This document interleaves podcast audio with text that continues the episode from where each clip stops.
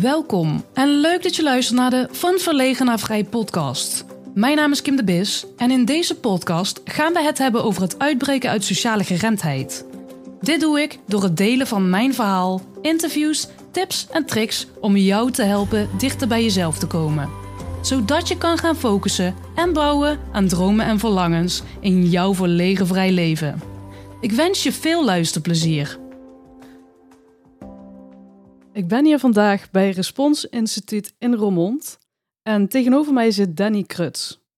Danny Kruts is NLP-trainer en NLP-coach.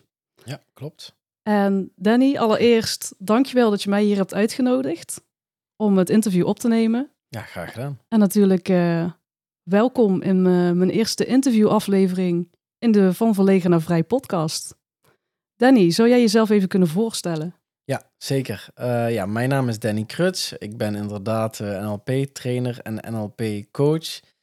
ik train NLP hier bij Respons Instituut in uh, Roermond. Um, en daarnaast heb ik ook een eigen coachingpraktijk, uh, NLP Coaching Limburg. En in mijn praktijk coach ik mensen één op één en help ik ze in een persoonlijke ontwikkeling. Dat is heel kort, denk ik, de omschrijving. Ja, en voor de mensen die niet weten wat NLP is, zou je kort kunnen uitleggen wat dat inhoudt? Ja, uh, NLP staat voor Neurolinguistisch Programmeren. En uh, NLP is eigenlijk ontwikkeld uh, doordat twee heren, Richard Bandler en John Grinder, die hebben succesvolle therapeuten geïnterviewd, gemodelleerd en bestudeerd. En um, daarbij gingen ze kijken naar wat maakt die therapeuten nou eigenlijk zo succesvol en wat zorgt ervoor dat zij wel resultaten boeken bij hun cliënten en waar anderen daarin tekortschieten. Daaruit hebben ze een eigen methode ontwikkeld en die noemen ze dus uh, NLP. En de afkorting NLP, uh, neurolinguistisch programmeren. Uh, neuro staat dus voor het brein, alles wat met het brein te maken heeft. Want het brein is natuurlijk verantwoordelijk voor signalen afgeven aan, aan je lichaam en je gedachten en emoties reguleren.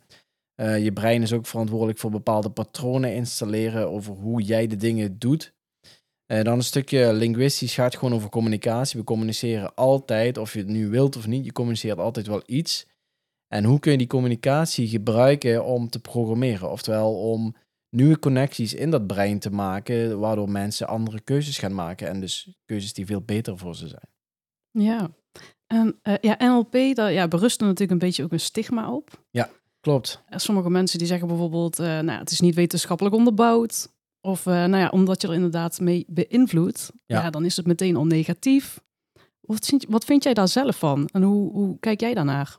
Ja, uh, kijk, NLP is inderdaad ja, wat is wetenschappelijk onderbouwd, zou ik dan eerder uh, gaan, gaan doorvragen tegen die, aan die mensen die dat zouden zeggen. Um, maar als je het hebt over, ja, er moeten dingen gemeten worden op een bepaalde manier, dan snap ik dat mensen daar een bepaalde berusting in vinden als dat op die manier gebeurt. Omdat ze vinden dat dat dan bewijs is.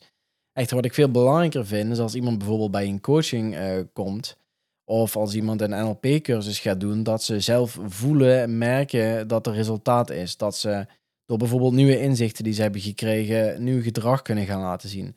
En de omgeving geeft ook vaak die feedback, al weet je zelf misschien nog niet dat er iets veranderd is. Je omgeving ziet dat als eerste. En dan krijg je daar die feedback wel van. Dus tegen de mensen die daarover twijfelen, zou ik zeggen: probeer het zelf eerst eens uit en heb dan een mening erover. Ja, mooi. Ja, en wij kennen elkaar natuurlijk uh, van het Respons uh, Instituut. Want ik heb de NLP Practitioner opleiding gevolgd, waar jij de trainer was. Ja. En om daar, uh, om daar een beetje een aanvulling aan te geven. De allereerste keer dat ik het outcome model onderging, nou ja, dat heeft voor mij heeft dat heel veel impact gemaakt. Ik had dan als, als situatie die ik wilde veranderen, had ik genomen dat ik de telefoon niet opnam Mhm. wanneer een onbekend nummer mij belde. En dat kwam heel gestructureerd, gestructureerd kwam dat voor. Uh, en, want ik had allerlei beperkende overtuigingen met dadelijk loop ik vast, uh, weet ik niet wat ik moet zeggen. Uh, nou, ik, had, ik bedacht allemaal rampscenario's waarom het niet goed zou verlopen. Ja. En ik, wat ik eindelijk wilde bereiken was de telefoon gewoon opnemen. Mhm. Want als resultaat zou ik dan uh, mezelf verzekerder voelen. Zou ik uh, in mijn kracht komen te staan. Zou ik trots uh, kunnen zijn. En nou ja, dan heb ik in ieder geval het idee van zie je wel, kan het wel. Ja. Nou, iets heel simpels. En dan ga je daarna natuurlijk kijken van welke hulpbronnen heb je dan op dat moment nodig om dat te bereiken. En wat, wat stops you? Waarom doe je het nou niet? Om dat uiteindelijk, te om dat uiteindelijk die stap te zetten. iets heel simpels, echt Jip en Janneke taal. En toch, er ging een wereld voor mij open op dat moment. Dat had heel veel impact gemaakt. Omdat ik toen echt zo stond te kijken van, nou, dan ben ik 30. heb, ik, heb ik jarenlang mezelf eigenlijk gekweld met, Ja. met datzelfde patroon. Ja. Terwijl het zo simpel is om gewoon daaruit te stappen, omdat je meer waard bent dan dat. Ja, absoluut. En ik dacht, op dat, dat- ik dacht dan nou ook echt, nou dan ben ik, ben ik 30. Waarom in godsnaam krijgen wij dit niet op school? Ja, En dan, en dan bedoel ik niet, niet het outcome-model of NLP, maar in bredere zin, waarom leren wij niks over eh, empathie, expressie, eh, ondernemen in bredere zin van het woord? Hè? Waar, eh, wat, waar wil ik naartoe bewegen? Wat wil ik? ja. Ja, dat vraag ik me ook vaker af. Voor mensen die dit niet gewoon op school aanleren aan, aan kinderen. Hoe geef je expressie aan jezelf? En hoe kun je dat doen op een manier dat het ook werkt? Dat het, dat het ook effectief is? Ehm, ik zie vaker dat, dat mensen in een bepaald hokje worden gestopt. Of een bepaald label eh, op zich krijgen. En wat ik daar jammer aan vind, is dan gaan mensen zich naar dat label gedragen. Dan gaan ze dat over zichzelf geloven. Dus daar expressie aan geven.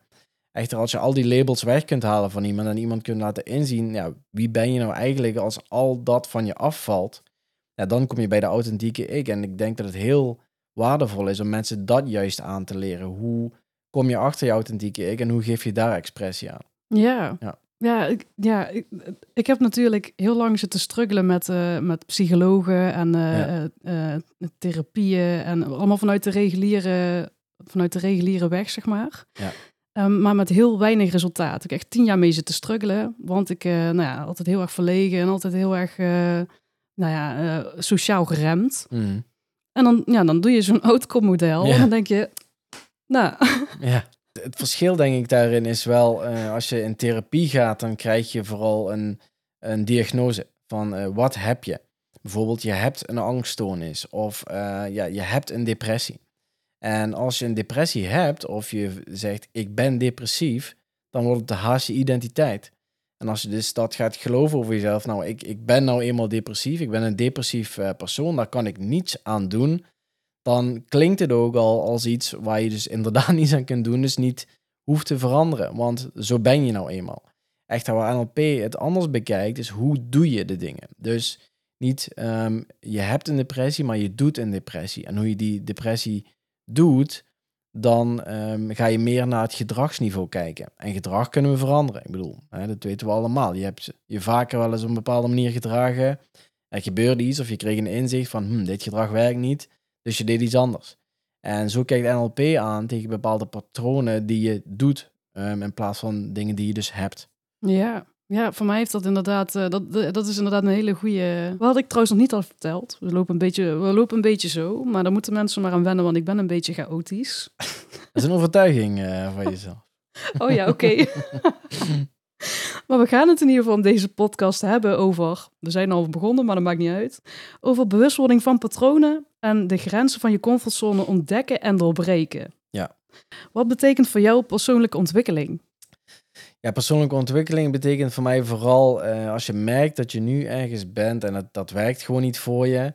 Ehm, je zit ergens in vast of eh, je hebt bepaald gedrag wat steeds terugkomt en dat beperkt je. Dat je dan eh, de vraag durft te stellen van ja, maar wat wil ik wel in plaats daarvan? En niet alleen die vraag durft te stellen, maar ook gaat zoeken van hoe ga ik dat oplossen? En of dat nou NLP is of hypnose bijvoorbeeld of een andere manier waarop je dat kunt doen.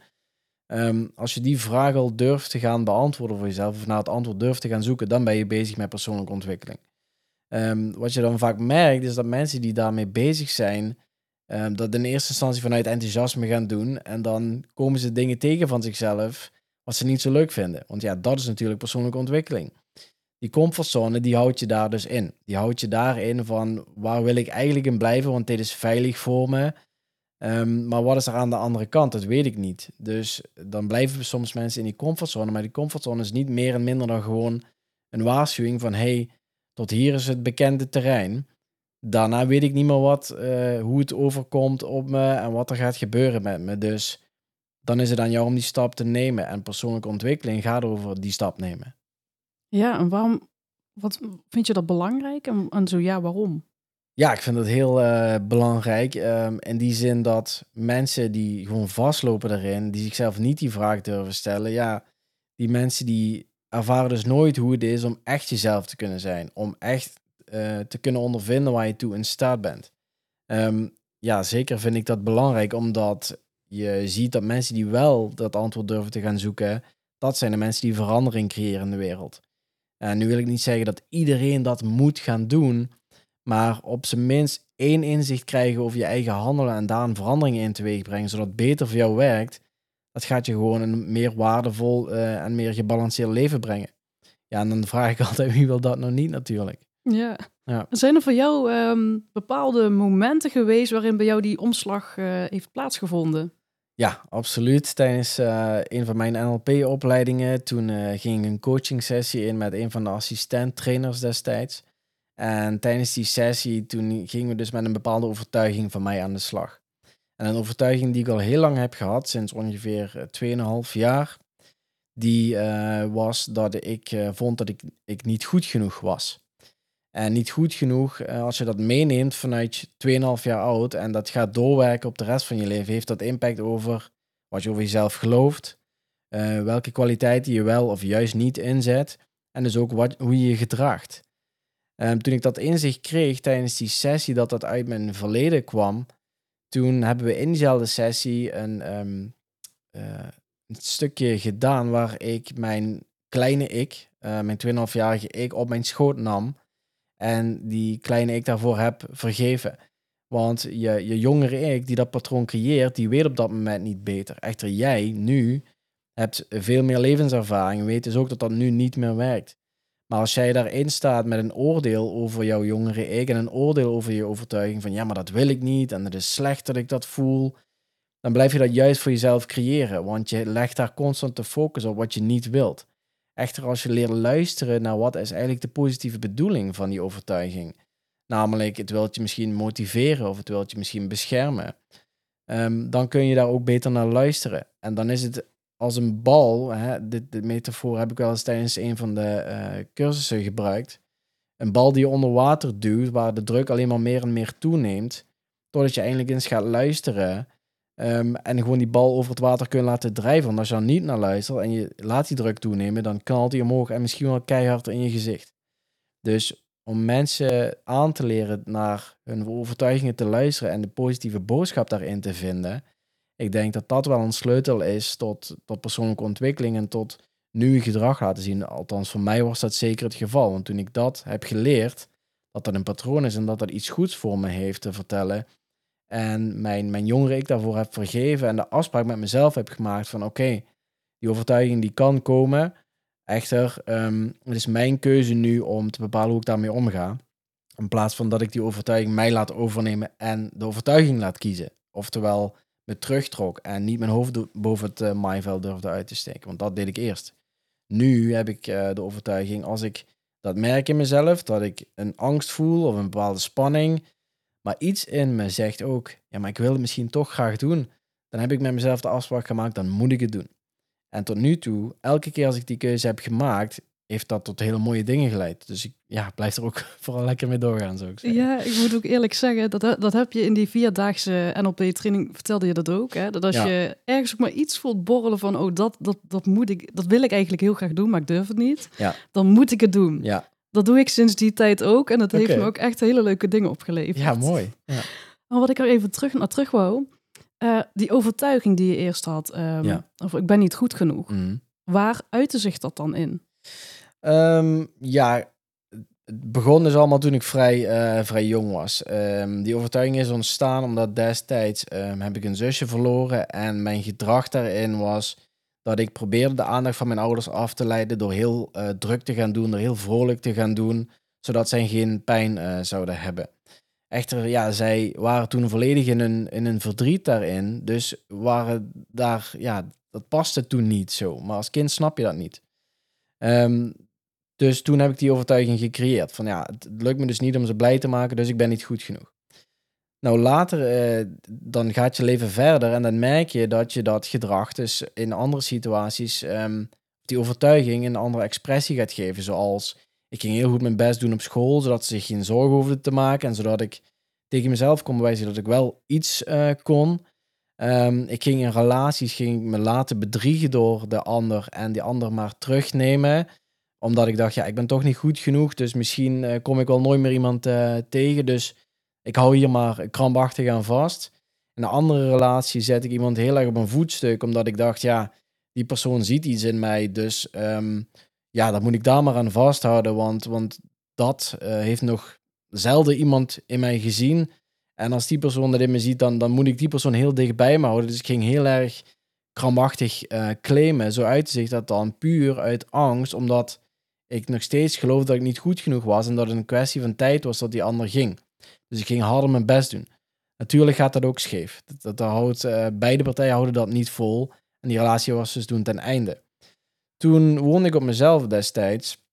En ik uh, zat echt toen nog, ik weet nog dat ik echt op mijn bed zat in mijn appartementje van ja, en nu?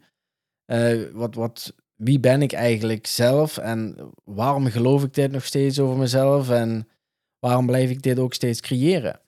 Dus toen ben ik met NLP gestart en daar dus een aantal inzichten, aha-momentjes gekregen tijdens zo'n basisopleiding, een tweedaagse opleiding was dat destijds.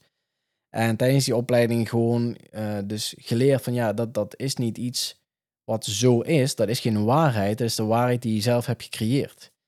Ja, en toen ik dat inzicht kreeg, dacht ik ja, oké. maar als dat dus een waarheid is die ik zelf creëer, hoe creëer ik dan iets anders? En daardoor ben ik dus verder gegaan met NLP en dus ja, eigenlijk een nieuwe waarheid gecreëerd voor mezelf. Ja, mooi. Is daar dan ook jouw NLP-verhaal, uh, zeg maar, begonnen? Of is dat al eerder... Uh... Ja, dat is dus uh, daar ongeveer wel begonnen. Um, in 2014 kwam ik al met NLP in aanraking als een keuzevak bij mijn rechtenopleiding toen nog. ik deed rechten, maar eigenlijk na het derde jaar dacht ik, ik wil helemaal niets meer met recht gaan doen, want ik ging rechten doen omdat ik rechtvaardigheid wilde voor mensen. Echter, ik vond bepaalde wetten in, in het Nederlands recht niet zo rechtvaardig toen ik ze beter leerde. Dus toen dacht ik in het vierde jaar, ja, wat kan ik dan wel gaan doen? En toen kregen we dus keuzevakken. En een van mijn keuzevakken was mediation en een ander was NLP. Ik las een beetje de omschrijving destijds, weet ik nog. En daar ging het over um, ja, hoe je effectiever kon zijn in je keuzes en anderen daarin kon helpen. En het werd heel breed en vrij vaag nog omschreven door school destijds. Ik dacht, ja, klinkt wel interessant, dus ik ga dat maar eens doen. Dus toen had ik het al een beetje leren kennen. En dat, toen was ik wel nog in die relatie. En toen merkte ik al van, ah, ik krijg al een paar inzichten. En aan het einde daarvan, dus, dus toen dat uh, voorbij was, ja, toen dacht ik weer terug in NLP. Toen dacht ik, ja, maar die inzicht die ik toen kreeg, dat was het eerste moment dat ik dacht, misschien ben ik iets op het spoor. Dus daardoor ben ik er toch weer terug naartoe getrokken. Ja, en toen weet ik nog dat ik uh, Milan, de, eigenaar van Response Instituut, die zat toen op een bepaalde kruk. En die zat toen de training te geven. En na die basisopleiding dacht ik, ja, als ik merk hoe effectief dat voor mij is, en hoe hij dat uh, overbrengt hier aan de groep, dan wil ik dat niet alleen verder onderzoeken wat dat voor, mij kan brengen, maar ik wil dit ook aan andere mensen geven. Dus ik had altijd die kruk in mijn hoofd. En ik dacht altijd, uh, ja, die kruk, daar ga ik ooit op zitten. En dat heb ik ook altijd uitgesproken tijdens al mijn NLP-opleidingen. Um, ehm, we zitten nu hier in het, in het derde gebouw, geloof ik, van Respons ondertussen. Maar die kruk is altijd mee verhuisd. En uh, ja, zoals je weet zit ik nu sinds vorig jaar uh, op die kruk en het bevalt heel erg uh, goed, kan ik je vertellen. Wat doe jij nou anders dan andere mensen die zeg maar in hun angsten blijven zwemmen? Hoe, kan, hoe komt het nou dat het bijvoorbeeld de ene persoon wel lukt en de ander niet? Ja, ik denk dat vooral daar een focus is op um, hoe kijk je tegen je angst aan? Um, is het iets waarvan je blijft zeggen tegen jezelf, dat wil ik niet, dat wil ik niet? Um, dan, dan hou je wel de focus op de angst zelf. En jij en ik weten dat het onderbewuste werkt als, eigenlijk ook als een klein kind. Als je tegen een kind zegt, niet op de bank springen, niet op de bank springen. Kleine kinderen hebben die filter nog niet ontwikkeld. Dus die horen alleen op de bank springen. Um, je onderbewuste werkt ook zo. En je onderbewuste is, is uh, verantwoordelijk voor je emoties, je patronen, je overtuigingen, je ervaringen. En als je daartegen blijft herhalen wat je vooral niet wilt, blijf je dat creëren. Dus um, wat ik denk ik anders doe, is niet alleen kijken van, nou, die angst die wil ik niet, maar ook wat heeft die angst me te vertellen? Waarom is die er? eh, hoe doe ik die angst? Oftewel, wat is het patroon wat aangezet wordt en hoe kan ik dat patroon veranderen? En dan de derde, wat wil ik dan wel? Want als je die angst niet meer hebt en je moet die angst achterlaten, misschien geef je dan ook iets van jezelf op. En vaak zijn er mensen die heel erg in hun angsten zitten, die zichzelf daarmee identificeren. En ze houden zich daar maar aan vast, want dat is de bekende pijn. Echter, wat er aan de andere kant is, dat is dus onzeker en misschien doet dat wel meer pijn. Dus blijven ze maar in hun angst uh, zitten. Ja, wat ik anders doe, is ik, ik hou daar gewoon niet aan vast, omdat het gewoon niet werkt voor me. En ik ben gewoon veel meer nieuwsgierig, wat is er aan die andere kant en wat wil ik wel? Ja. Ja, ja ik denk dat dat ook um, het hele probleem is van angst en onzekerheden. Dat je gaat handelen uit angst en onzekerheid. Ja, en ja. de oplossing uiteindelijk is te kijken, wat wil je wel? Ja, ja, anders hou je het gewoon zelf in stand. Ja, Ja. En, dat, en de dingetjes die je wel wilt, die maken het ook de moeite waard om ervoor te gaan. Ja, absoluut. absoluut. Je geeft ook, ehm, op je website geef je aan, mijn passie is kortom te omschrijven als volgt. In anderen hun oerkracht activeren. Iedereen heeft deze oerkracht, dit brandend vuur in zich en ik zie het als mijn missie om dit aan mensen te laten zien en voelen. Waardoor ze leren nee te zeggen tegen dat wat ze tegenhoudt en ja te zeggen tegen dat wat belangrijk voor ze is.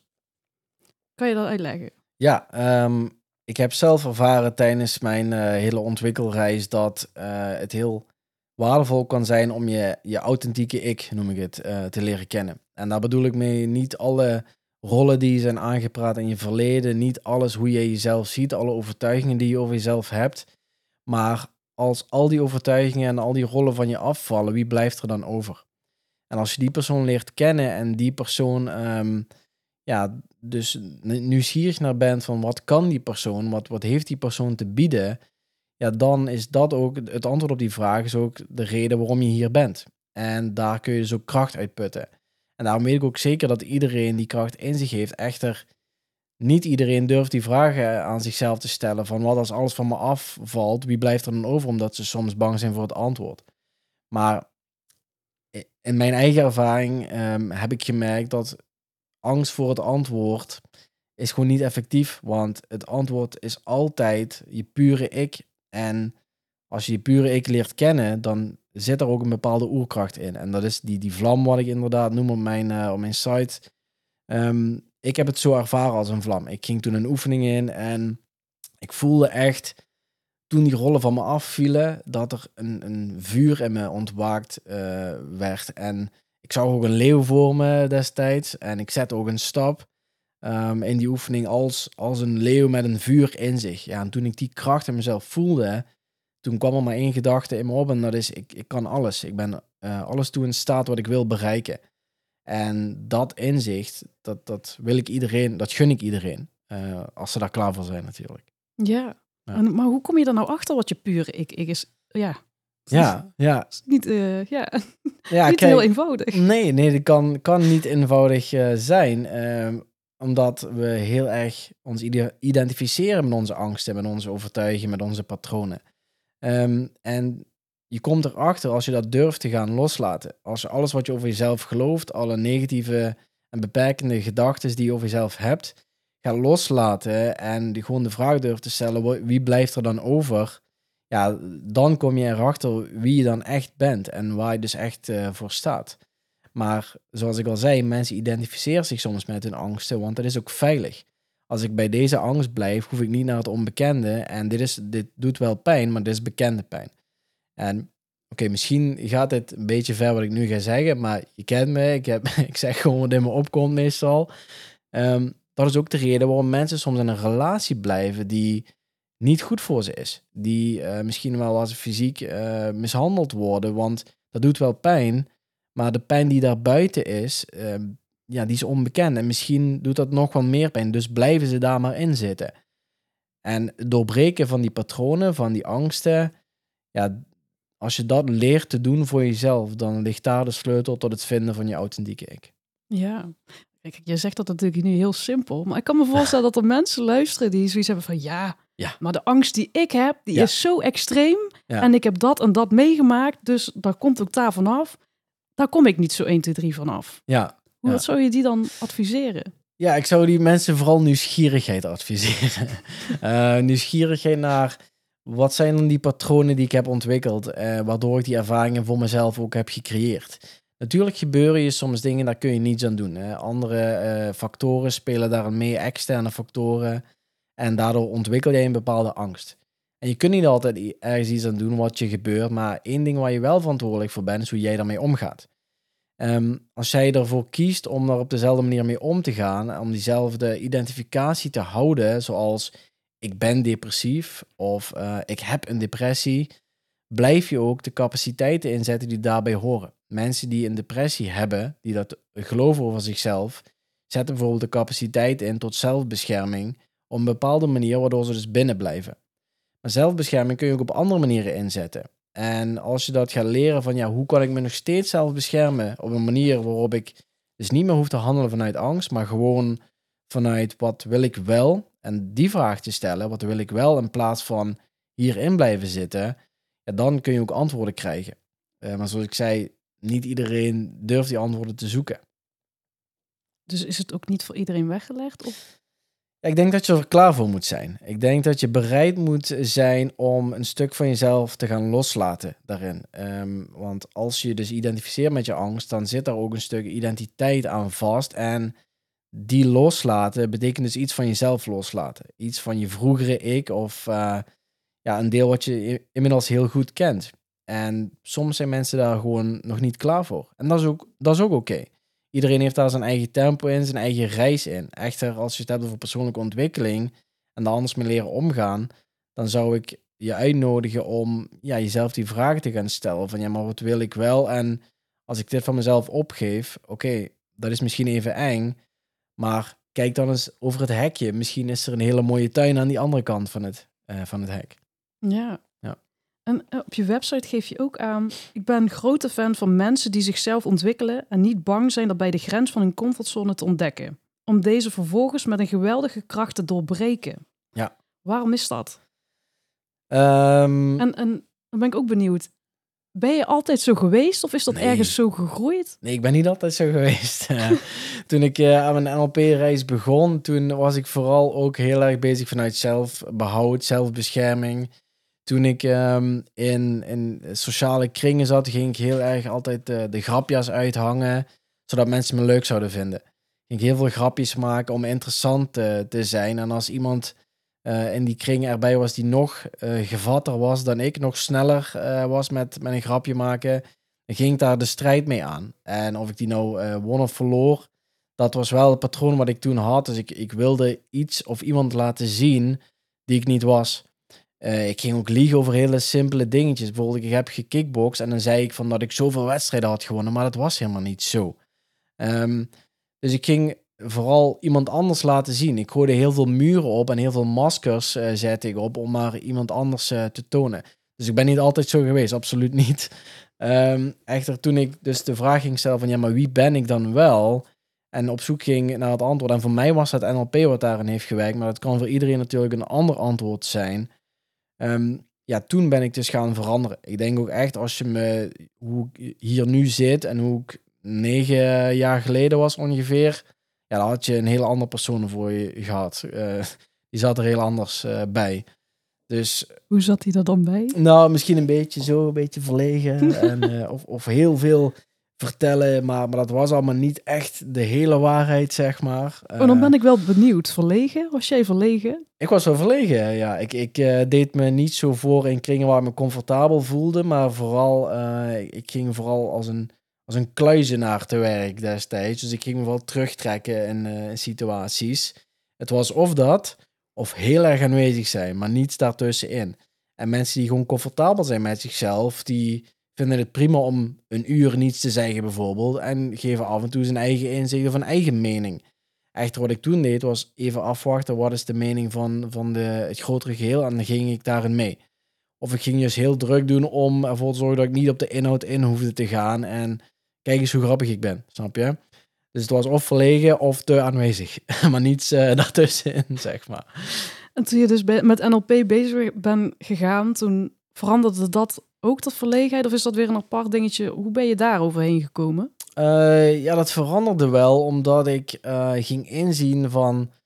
wat zit daarachter? Wat, wat is daar de reden voor? En toen kwam ik ook weer bij diezelfde overtuiging terug van ik ben niet goed genoeg. Want als je verlegen bent, hoef je jezelf dus niet te laten zien. Als je zegt, nou ik ben nou eenmaal verlegen, zo ben ik nou eenmaal, dan hoort daarbij dat je dus eh, ja, niet de kwaliteiten gaat inzetten waardoor je jezelf kunt laten zien. Zoals bijvoorbeeld daadkracht of zelfvertrouwen. Ehm, en ik ging me dus ook niet uitspreken. En ik kwam erachter dat ook daar die overtuiging, ik ben niet goed genoeg achter zat. Dus op het moment dat ik die overtuiging anders leerde, ja, anders daarmee leerde omgaan, ja, toen uh, ging ook die vanzelf, ging vanzelf mee eigenlijk. Ja, ja. Mooi, mooi om te horen, zodat alles eigenlijk met elkaar dan weer samenhangt. Ja, ja. en dat, dat was voor mij ook vaak een heel raar inzicht. Dat ik een oefening inging en dan zeggen we hier vaak, ja, dat weet jij, dat we zeggen, breng een probleem in. Uh, maar een probleem kan een communicatieprobleem zijn geweest, een discussie die je had met iemand, of ergens waar je echt vaak tegenaan loopt. Dat bepaal je altijd zelf binnen een NLP-opleiding. Um, en toen kwam ik er vaak achter, nou, nu breng ik eens een klein probleempje in. Of nu ga ik eens vanuit die hoek eens iets inbrengen waar ik tegenaan ben gelopen. En hoe sterker de overtuiging aanwezig is, hoe vaker die terugkomt. Dus kwam ik toch steeds vaker terug. dacht, daar is die weer. Ik ben niet goed genoeg. Ah. Ja. Maar ja, toen ik da, het, het mooie daarvan is wel, als die vaak terugkomt, als die vaak centraal staat voor al jouw nou, problemen, tussen haakjes gezien, dan betekent ook dat als je daar een verandering teweeg brengt, dat je die verandering ook op heel veel andere niveaus uh, ja, teweeg gaat brengen. En dus een, een hele andere persoon kunt gaan creëren. En dan eigenlijk niet een andere persoon, maar je echte ik. Ja, en wat is daar dan het resultaat van? Het resultaat van is dat je uh, meer durft te gaan kiezen wat, wat jij belangrijk vindt. Uh, jouw waarden die jij belangrijk vindt. Ik vind bijvoorbeeld vrijheid een hele belangrijke waarde. Ik vind uh, verbinding uh, een hele belangrijke waarde. En als je daarachter komt, uh, ja, wat die waarden dus zijn die jij belangrijk vindt, en je komt achter de overtuigingen die je tegenhouden om die waarden uh, in te gaan vullen, en je gaat daarmee aan de slag, dan ga je veel meer staan achter die waarden, dus veel meer staan wat ik zeg over hoe jij dus echt bent, wat jij echt belangrijk vindt. En dan creëer je keuzevrijheid om die waarden in te gaan vullen. Zo ben ik dus, uh, ik heb acht jaar nu in loondienst uh, gewerkt bij een bedrijf. Heb ik een hele leuke tijd gehad, was heel mooi. Echter, ik kwam erachter dat dat niet is waar ik, um, waar ik van aanga, waar ik energie van krijg. Waar ik energie van krijg is mensen helpen in hun persoonlijke ontwikkeling. En elke keer als ik daarmee bezig was, dan ging ik zo energiek naar huis. Terwijl op het andere stuk, bij mijn andere werk, had ik ook wel dagen dat ik uh, echt een leuke werkdag heb gehad. Gewoon. Het was niet allemaal kommer en kwel natuurlijk. Um, echter kwam ik daar ook wel eens thuis. Ik dacht, ik ben kapot. En uh, voor mij is dat een signaal nu dat ik denk, als ik dat voel, um, dan ben ik op het verkeerde pad. Echter, als ik voel van, ah, hier krijg ik energie van, hier ga ik van aan, dit vind ik super leuk. Ja, dan is dat hoe je echt bent. En dan gaat dat naar die waardes toe. Van bijvoorbeeld vrijheid en verbinding, die ik heel belangrijk vind. Ja, mooi. En het klinkt ook wel logisch. En toch, hoe herken je dat dan? Want stel je bent uh, uh, ergens angstig voor of ergens onzeker over, ja. dan kan het ook zijn dat dat op jou op dat moment energie kost. Ja, ja dus hoe, ja. Dan, kan, dan zou ik ook kunnen zeggen, nou, dat kost me energie, dus dat doe ik niet. Ja. Wat dus eigenlijk resulteert op dat ik niet uit mijn comfortzone ga. Ja, ja dat, het enige uh, hoe je daar anders mee kunt omgaan is herkennen van wat is het nu wat er nu in me gebeurt. Is het nu een, uh, een irrationele angst die me gaat tegenhouden of is dit gewoon, ah, ik voel gewoon een beetje spanning, want dat is gezonde spanning. Uh, weet je, ik heb ook in een, een band gezongen kort en um, daar voelde ik ook vaker spanning, maar dat is andere spanning dan, oh, ik ben ergens bang voor en ik durf het niet aan te gaan. Um, en dat is gewoon leren herkennen van de signalen van, van je lijf en van je, van je brein. En als je gaat leren herkennen hoe jouw brein werkt, ja, en je, je creëert daar dus keuzevrijheid in, dan kun je ook kiezen van, nou, dit is die angst, dit voelt beperkend en hier moet ik misschien toch maar even overheen stappen en dan kijken wat er gebeurt. Of dit is gewoon een angst die nu komt uh, omdat ik het gewoon een beetje spannend vind. Maar eigenlijk vind ik het wel leuk. En ik heb met mezelf die, die afspraak dus gemaakt. Um, als ik iets voel in mezelf dat ik het spannend vind, dat ik angstig erover ben, maar ergens wil ik het ook wel. Dus ergens voel ik een soort enthousiasme in mezelf daarover. Dan moet ik het doen. En... Heb je recent zoiets meegemaakt met van, oh, dat durf ik eigenlijk niet, maar uh, eigenlijk wil ik dat graag doen? Uh, heel recent? Dat is een goede vraag. Nee, heel recent niet. Ehm, ik heb echter wel ook... Ik had vroeger de overtuigingen, en dit voorbeeld gebruik ik wel eens in mijn training, dat ik hoogtevrees had. Maar ik wilde wel graag uh, altijd eens uh, bungee jumpen. Gewoon omdat ik dacht, ja, daar krijg ik een adrenaline kick van. Dat zal heel gaaf zijn als ik dat, als ik dat durf. Dat, dat is echt cool.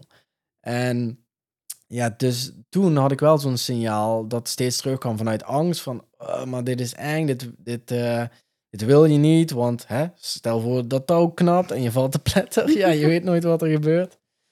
Um, dat zijn allemaal uh, signalen en gedachten die hartstikke irrationeel zijn. Natuurlijk kan dat gebeuren.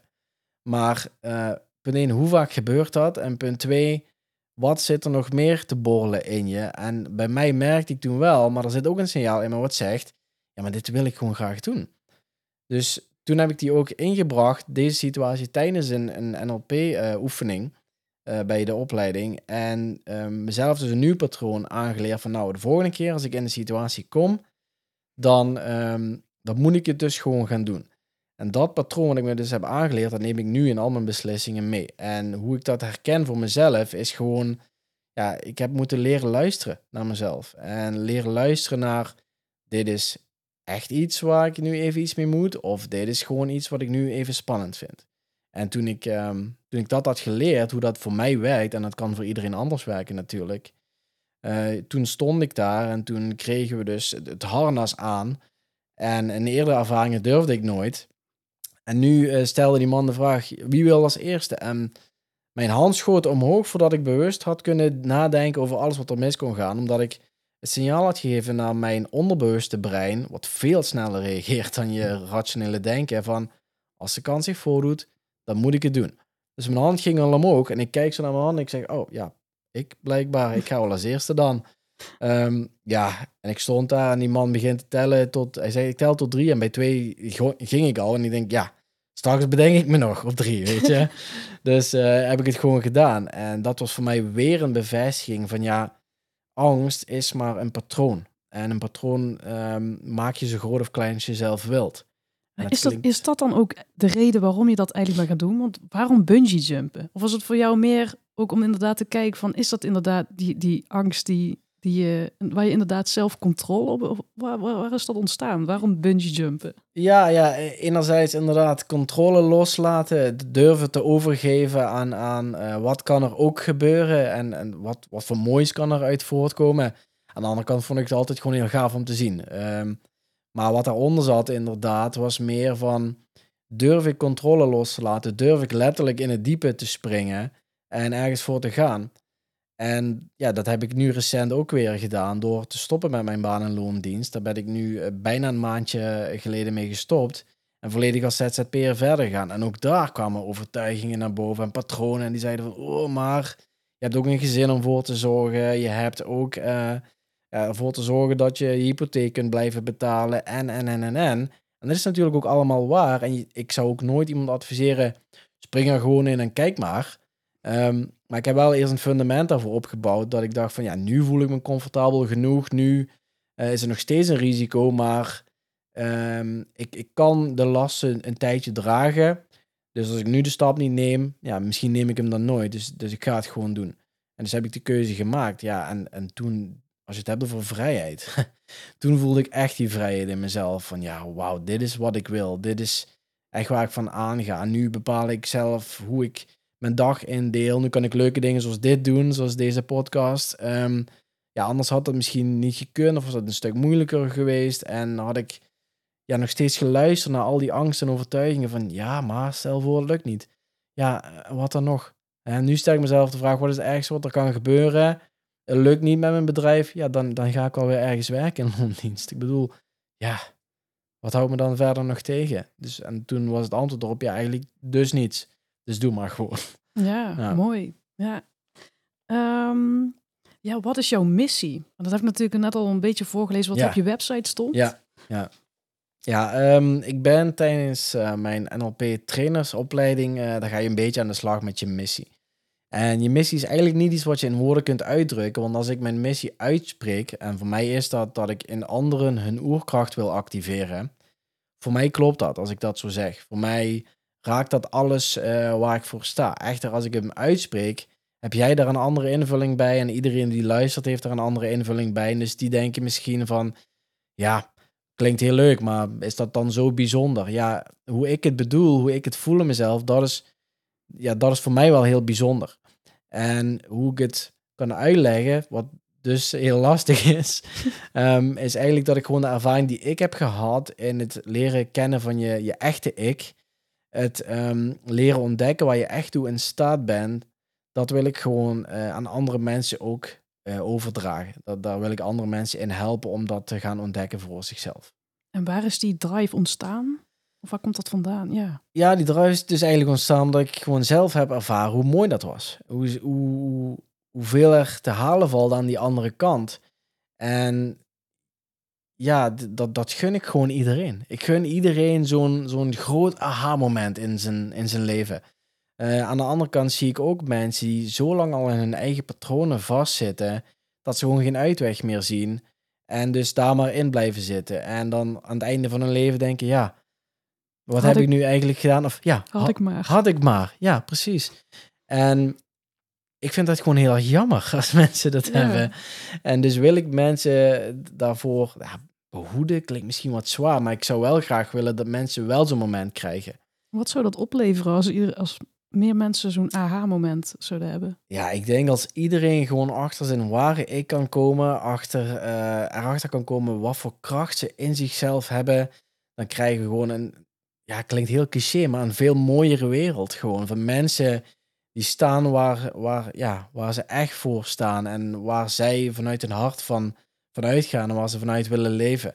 In plaats van alles wat hen opgelegd is en allerlei angsten die er, uh, die er steeds maar naar boven komen. Um, en als je leert om, leert om daar anders mee om te gaan en gewoon echt voor jezelf kunt kiezen.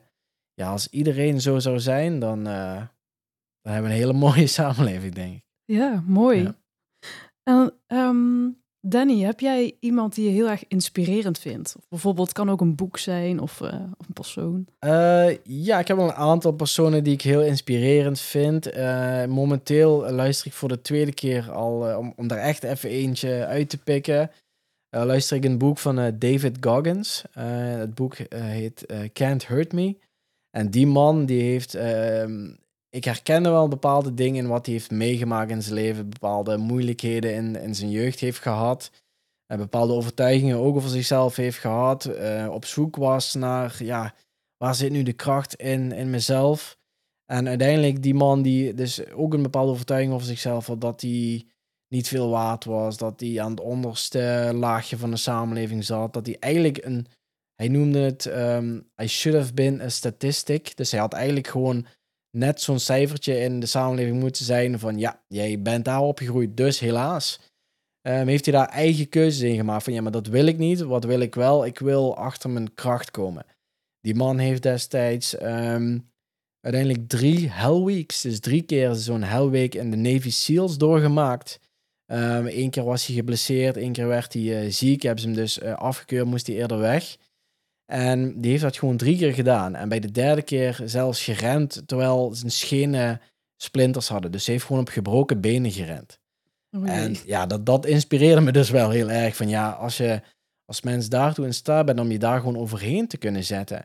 En dat is echt wat ze wel eens zeggen, mind over matter. Dus je brein over wat je lichaam aangeeft en over wat we denken daar waar we toe in staat zijn ja, die man is daar voor mij echt een beeld van, van je kunt alles bereiken als je gewoon andere dingen gaat geloven. En uh, ja, heel inspirerende kerel, David Goggins. Ik zou hem echt uh, opzoeken als ik jou was. Ik ken hem nog niet, dus uh, ja. ik ben heel erg benieuwd. Ja, ja. Hey, Danny, waar wil jij nou, over pak een beet vijf jaar staan? Ja, over vijf jaar hoop ik gewoon nog meer mensen te hebben bereikt als het gaat over persoonlijke ontwikkeling. Ik hoop gewoon mensen te hebben geïnspireerd om het beste uit zichzelf te halen. Ik wil uh, ideaal, uh, idealerwijs voor grote groepen spreken. Um, daarin, uh, als mensen iets eruit zouden halen uit zeg maar een hele dag training met mij en ze zouden één inzicht krijgen, dan ben ik tevreden. Dan ben ik daar heel blij mee. Dan hebben ze dus al een verandering doorgemaakt. En ja, als je zegt over waar wil je voor vijf jaar staan, dan wil ik gewoon ervoor gezorgd hebben dat ik nog meer mensen daarmee heb kunnen bereiken. Ja, lijkt me een mooie, mooie uitdaging. Ja, heel erg, ja. En wat zijn nou dingen waar jij echt helemaal van aangaat? Waar je energie van krijgt? Uh, ja, waar krijg ik energie van? Dat is een goeie. Uh, een aantal dingen. Ik, ik ben uh, vechtsporter. Dat doe ik met heel veel plezier. ik beoefen al 15 jaar een Indonesische vechtkunst genaamd Pukulan Kemayoran. Meestal zeggen mensen, wat is dat? Ja, inderdaad. Is ook helemaal uh, prima. Um, maar da daar ga ik wel van aan. Dat is wel een van mijn passies. Muziek vind ik wel helemaal tof. Maar waar ik echt energie van krijg, waar ik echt van aanga, is dus gewoon mensen die zichzelf durven bloot te geven ten behoeve van hun eigen ontwikkeling. Daar ben ik gewoon echt fan van. ik heb dat ook volgens mij al aangegeven in de groep waar jij in zat. Um, mensen die daarmee bezig zijn, die dus gewoon durven te kiezen voor iets anders. Ja, dat vind ik zo gaaf om te zien, om, om te zien hoe mensen dan groeien. Um, en dat, ja, geeft gewoon een bepaalde dankbaarheid. En al heb ik daar maar een kleine bijdrage in geleverd, of iets gezegd wat bij iemand heeft aangeraaid, en ik zie dan een aha-moment, ik zie dan groei, ik zie nu gedrag, ja, daar word ik gewoon super blij van als ik zie dat mensen ontwikkeld zijn. Ja, mooi ook hoe inderdaad dat waar jij energie van krijgt ook weer mooi past bij, uh, bij je missie. Ja, ja. Maar wat zijn nou juist de dingen wat jouw energie kost? Uh, wat mijn energie kost? Um, mensen die, die dus in, in oude patronen blijven zitten en in die overtuiging blijven zitten van uh, ja, ik ben nou eenmaal zo. Of het, het zinnetje, ik ben te oud om te leren of we hebben het altijd al zo gedaan. Dat is ook wel eentje die, die kost me wel energie. Dat is iets wat me dan wel triggert. Uh, dan denk ik echt van ja. Kan je dat uitleggen? Waarom? Ja, omdat ik denk dat is geen reden. Dat is geen goed excuus van in een bepaalde leeftijd. Of uh, ik heb het altijd al zo gedaan. Ja, nou en? Er is nog steeds een andere keuze om het, om het anders uh, te doen. Dus waarom zou je jezelf dat opleggen van in het verleden was het zo, dus blijft het zo. Ja, dat vind ik echt iets, dat vind ik zo'n dooddoener, ook in een, in een gesprek bijvoorbeeld. En daar moet ik me dan soms wel voor behoeden dat ik denk van, oh man. En daar is het geen energie van krijgen, maar juist denk van, ja, laat maar zitten. En dan zelf balend uit dat gesprek kom. Um, dan moet ik echt af en toe gewoon heel duidelijk tegen mezelf zeggen: Oké, daar zitten zij nu in in dat stuk. En dat is oké, dat mag er ook zijn. Want dat is ook gewoon zo. Um, en ja, dan zijn ze nu gewoon niet toe aan een, aan een nieuwe stap. En dat is prima. ja, ehm, of ze hebben misschien... Ehm, het ligt dan ook net aan wat je waarden zijn, hè? Misschien hebben ze wel eens ja. oh ja, maar ik vind het wel, wel lekker dat klagen en uh, ja. het ogen blijven zitten. Ja, precies. Ja maar, ja, maar daar vind ik weinig aansluiting bij. Dus dat kost me dan wel energie. Dus wat ik dan doe, is meestal trek ik me dan terug uit zo'n gesprek. Eh, als dat te lang daarin blijft uh, zitten. Ja, dat begrijp ik. Dat is vooral met waar je natuurlijk mee bezig bent, dat uh, nee. Nee, nee, dat staat volledig haaks ja. ja. En Danny, zijn er recent nog mooie inzichten die je hebt gekregen? Op het gebied van, nou ja, persoonlijke ontwikkeling.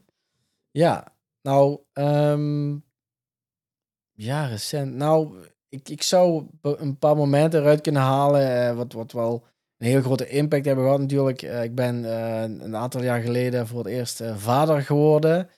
En dat gaf wel een inzicht van, oké, okay, um, je hebt misschien bepaalde waarden die je belangrijk vindt. Um, maar je moet nu ook je verantwoordelijkheid nemen voor een, voor een ander die dus ook eigen waarden mag gaan ontwikkelen en die daarin ondersteunen. En dat vond ik wel heel spannend, moet ik zeggen. En, en het was echt wel even zoekende van, ja, hoe ga ik dat dan doen? Um, het inzicht wat ik daar wel in heb gekregen is om dat ook een stukje vrijheid te laten qua. Om, ja, er komt vrijheid weer terug, maar vrijheid meer in de zin van, nou, iemand mag zich ook op zijn eigen manier, op zijn eigen tempo ontwikkelen. En um, hoeft niet te voldoen aan wat ik denk dat het plaatje is van ontwikkeling. Uh, dat heb ik ook naar andere mensen toe uh, die ik ken, heb ik ook wel het inzicht gekregen van ja, niet iedereen is hiermee bezig. En dat, dat kan ook oké zijn. Misschien vind je daar dan minder aansluiting bij, maar ook dat mag er gewoon zijn. Waar ik daarvoor misschien wel eens uh, in de ergernis schoot erin van ja, maar man, er is zoveel meer te, te doen dan waar je nu in zit. En zoveel meer inzichten om te, te verkrijgen. Waarom ga je daar niet naar op zoek? En dat heb ik nu toch wel wat meer losgelaten. Dus, ja. Uh, ja. Hoe ga jij om met kritiek? Uh, ligt eraan hoe het gebracht wordt natuurlijk. Ehm, maar ik, ik zie kritiek in de zin van feedback als, als ik iets heb gedaan wat iemand niet aanspreekt. dan is dat enerzijds iets zoals die persoon dat ziet. En iedereen heeft een eigen referentiekader, eigen manieren van met dingen omgaan. En dat, dat is allemaal prima, zolang het voor, voor hun zo werkt. Uh, anderzijds probeer ik wel altijd te kijken van wat ze zeggen, wat, wat, wat voor positieve bedoeling zit daarachter en wat kan ik er wel uithalen voor mezelf. Want het kan soms gewoon zo zijn dat je gewoon een bepaalde blinde vlek hebt, omdat je al een lange tijd iets doet, hoe je het doet en je denkt dat dat werkt. Maar het hoeft niet altijd de formule voor iedereen te zijn. Dus als iemand je een inzicht kan geven van ja, voor mij werkt dat niet.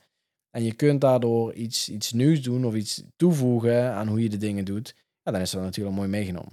Ja, en hoe vind je het dan om kritiek te krijgen waar je eigenlijk niks mee kan?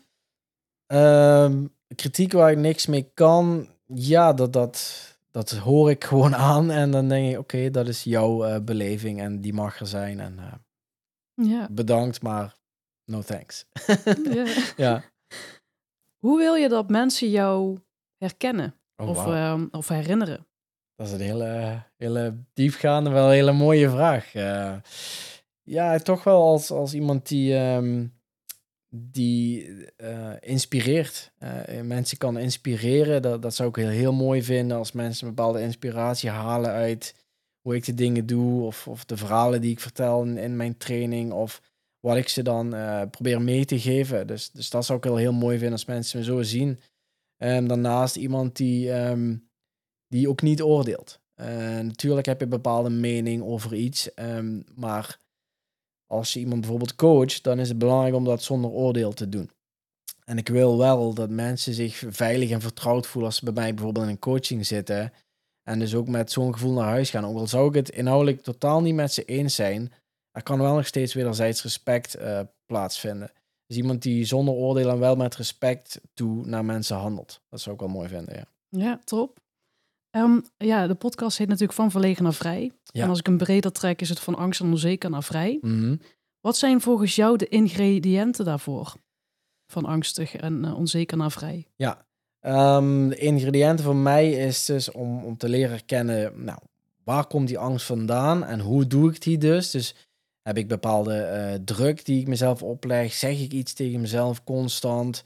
Um, of, of, zie ik bepaalde doemscenario's steeds als ik uh, ergens aan denk? Um, en dan dus gewoon de vraag stellen van ja, maar wat, wat wil ik dan wel? En hoe krijg ik dat? Want als jij kunt benoemen wat bijvoorbeeld rust is, wat vrijheid is, wat zelfvertrouwen is, als je dat woord kent, dat betekent alleen maar omdat je het ooit eens hebt ervaren. En als je dus kunt teruggaan naar een ervaring waarin je dat aanwezig had, dus in plaats van die angst, waar je bijvoorbeeld die, dat zelfvertrouwen volledig aanwezig had, um, dan ligt daar ook wel een, een mooie hulpbron die je kan helpen om, um, om over die angst heen te stappen. Dus voor mij is het een, als je het hebt over wat, welke stappen moet je nemen, is het herkennen van je angst. Wat wil die angst je vertellen? Dus wat is de positieve uh, boodschap van die angst? Maar hoe wil je dan vervolgens er anders mee omgaan en wat heb je daarvoor nodig? En dan is bijvoorbeeld een hulpbron als zelfvertrouwen een hele mooie die vaak wel, uh, wel helpt daarbij.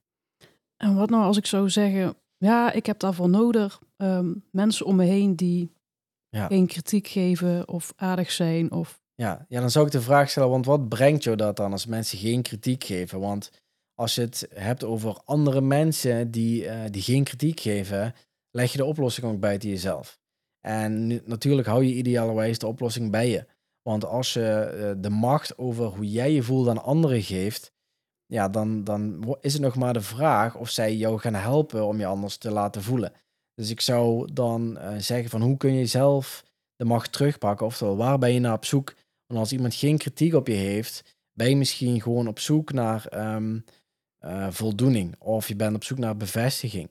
Maar hoe kun je dan die voldoening en die bevestiging in jezelf vinden, ondanks wat een ander doet of zegt?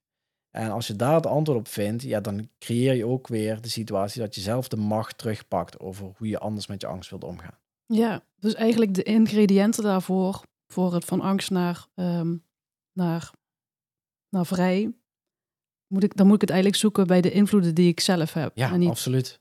Ja. Ja. ja, want als het buiten jezelf blijft leggen, dan, dan moet je maar hopen dat de oplossing ook ergens van buiten komt. Maar de oplossing zit altijd in jezelf. Dus wat wil je zelf ervaren en hoe kun je dat in jezelf oproepen? Daar, eh, daar zit dan de oplossing. Ja, top. Hey, en Danny, ehm, is er iets wat je graag nog bespreekbaar wil maken, wat we, waar we het nog niet over hebben gehad? Ehm, ja, hele goede vraag. Het was best wel uitvoerig wat we natuurlijk uh, hebben besproken. Ehm, wat ik gewoon nog mee zou willen geven aan mensen is... een angst is maar een angst. En een emotie is maar een emotie. Uh, emoties voelen we omdat er een signaal in ons is wat ons iets probeert te zeggen.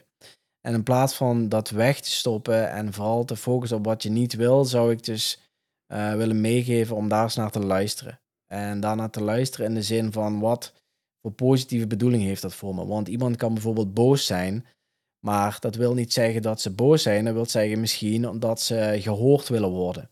En ze willen gehoord worden omdat ze um, het belangrijk vinden dat er wederzijds respect is. En als je daarvan uit kunt gaan dat iemand gewoon respect wilt, in plaats van dat ze boos zijn, ja, dan ga, kun je er ook anders mee omgaan. En als je dat kunt gaan herkennen in een ander, zou het nog mooier zijn als je dat ook kunt gaan herkennen in jezelf. Ja, wat zou je de luisteraars, heb je nog bepaalde tips? Wat zou je ze aanraden om, zodat ze ja, hun comfortzone kunnen uitbreken? Ja, uh, allereerst zou ik ze willen aanraden om eens op zoek te gaan naar wat zijn je triggers. Hè? Wat, wat triggert jou nou een bepaalde situatie waardoor jij um, een gevoel krijgt wat je niet wilt hebben. Um, als je daar al herkenning in krijgt, dan, dan overkomt het je ook niet meer. Dan, dan ga je dus uh, leren herkennen van, ja, maar wat gebeurt er nu waardoor ik iets voel? Um, dat is de eerste kleine stap die je kunt nemen. Dus waar zitten mijn triggers en wat gebeurt er dan bij mij intern? Dus welke gedachten krijg ik dan meteen? Uh, wat voel ik dan in mijn lijf? Um, wat wat uh, zeg ik dan tegen anderen? Hoe, hoe uitzicht dat in mijn gedrag? Dus wat is de respons op die trigger? En als je dat niet wilt, om dan je de vraag te stellen, maar wat, uh, hoe wil ik dan wel reageren op die trigger? En dat kan heel simpel door gewoon terug te gaan naar, bedenk eens één situatie waarin je um, een bepaalde reactie had die je niet leuk vond.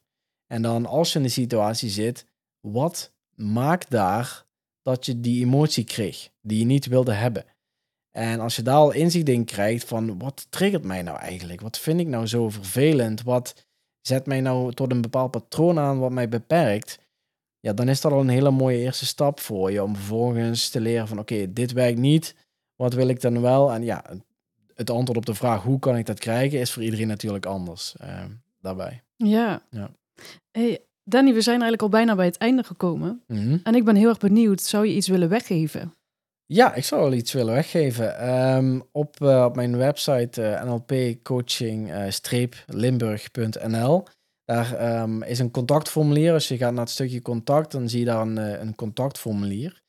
En ik denk dat het wel een goed idee is om, om wat korting weg te geven voor de luisteraars van je, van je podcast. Dus als je in het contactformulier de code podcast uh, 23 uh, invoert, dan uh, krijg je tot juni 25% korting op, op een coaching sessie. Oh wow, dat is wel echt, echt ja. te gek. Ja. en mensen, waar kunnen mensen meer over jou vinden? Je hebt net natuurlijk eigenlijk al. Ja, dat kan dus inderdaad op mijn, op mijn website nlpcoaching-limburg.nl. Je kunt me ook opzoeken natuurlijk op. Ik ben op Facebook, op Instagram, op LinkedIn. Gewoon uh, Danny Kruts, D-A-N-N-Y-K-R-U-T-S. Um, ehm, daar kun je van alles over me vinden. Er staan ook links naar mijn, uh, naar mijn website en wat ik uh, te bieden heb, zeg maar. Yeah. Um, en natuurlijk ben ik daarop ook altijd te benaderen via Facebook of Instagram. stuur me gewoon een berichtje en dan kom ik zo snel mogelijk bij je terug. Ja, helemaal top. Ja. Danny, ik wil jou heel erg bedanken voor dit inspirerende gesprek. Ja, jij ook bedankt. Was en dat heel we, leuk. Ja, dat we samen voor een wereld mogen gaan waarin mensen lekker uit hun comfortzone gaan breken en zo lekker hun dromen gaan volgen. Ja, absoluut. Dat heel zou heel bedankt. mooi zijn. Ja, graag gedaan. Jij ook bedankt. Top. Super leuk dat je luisterde naar de Van Verlegen naar Vrij podcast. Ik hoop dat je ervan hebt genoten en dat je er iets mee kan. Vond je dit nou interessant? Abonneer je dan op deze podcast en laat een review achter in de podcast-app waarmee je deze podcast luistert. Ook kan je mij helpen het bereik te vergroten door de podcastlink te delen met je vrienden en bekenden via je socials. Ik vind het erg leuk om berichten te ontvangen van luisteraars om te horen wat je van de podcast vindt. Mocht je nou vragen, suggesties of inzichten hebben gekregen door de podcast, stuur dan een bericht via Facebook of Instagram. Je kan me vinden op mijn naam, Kim de Bis. Bedankt voor het luisteren en tot de volgende keer.